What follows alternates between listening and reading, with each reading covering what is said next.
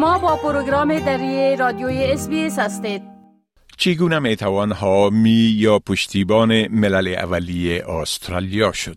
حامی یا متحد ملل اولی یا بومی های استرالیا بودن به این معناست که یک شخص جانبدار موضوعات و اهداف باشد که برای جوامع بومی اهمیت دارند و فعالانه از آنها حمایت کند. کرن مندین خانم از قوم بومی بونجالونگ مدیر عامل نهادی آشتی استرالیا می گوید در حالی که یک طریقه واحد برای تبدیل شدن به متحد اولی وجود ندارد شناخت مردم همانند هر رابطه یکی از اولین گام ها است. It has to start with understanding the relationship and the situation we are in today with First Nations peoples and other Australians. and understanding the history, the things that have gone on in that relationship. And it doesn't matter whether you're uh, a recent migrant, if you want to build a relationship, understanding who people are and the things that have happened to them that impact their lives and their experience of being Australian, I think is a, a really good starting point. او میگوید این عملیه می تواند شما را توانمندتر ساخته و ارتباط با مردم و کشور را برایتان فراهم کند.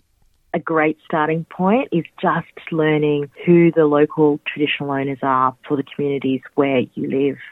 And you can often do that through First Nations organisations, you can often do it through local councils, and then getting to know the people in your area, getting to know the places which often have park names that uses traditional language, places that are named after things that happened historically in that area.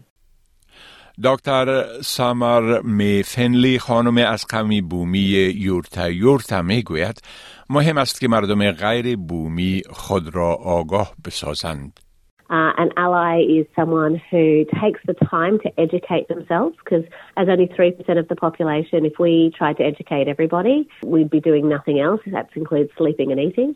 So, really, the starting point is going to trusted sources Reconciliation Australia or your state-based reconciliation council a really good starting point. Uh, I highly recommend them.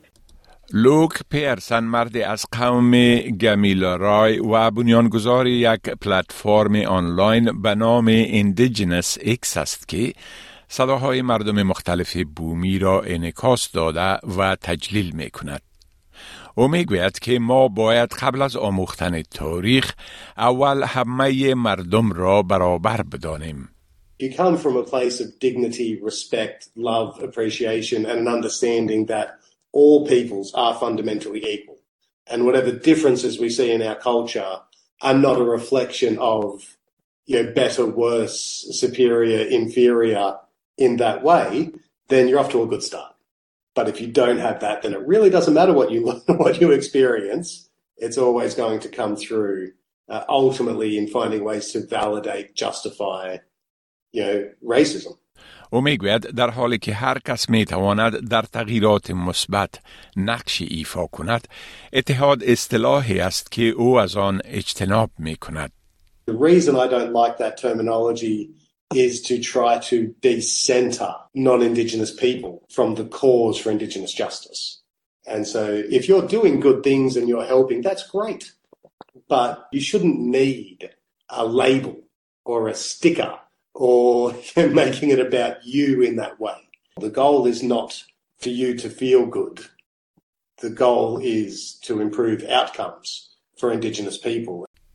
Dr. Finley میگوید یک متحد خوب کسی است که در قبال شخص از ملل اولی حدود معنای متحد بودن را بداند.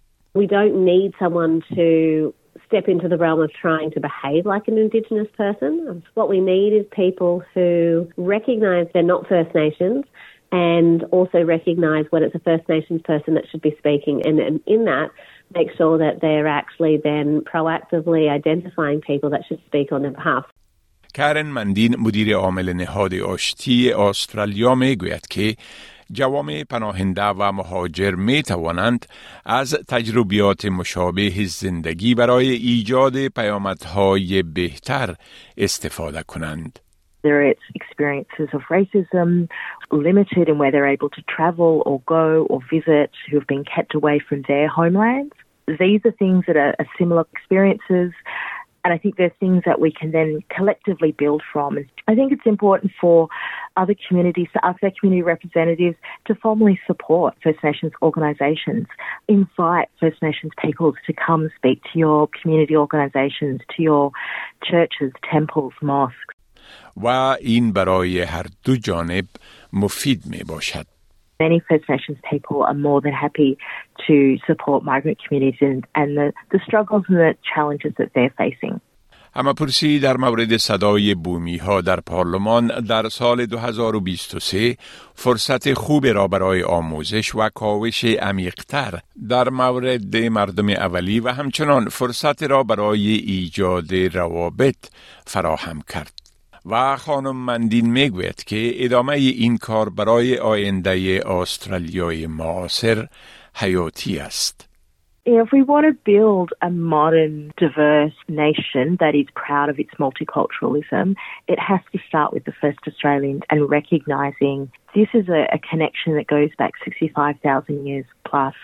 And if we can build on the wisdom of the world's oldest, continuously connected culture, I'm sure that creates so many opportunities for us as a modern nation into the 21st century and beyond.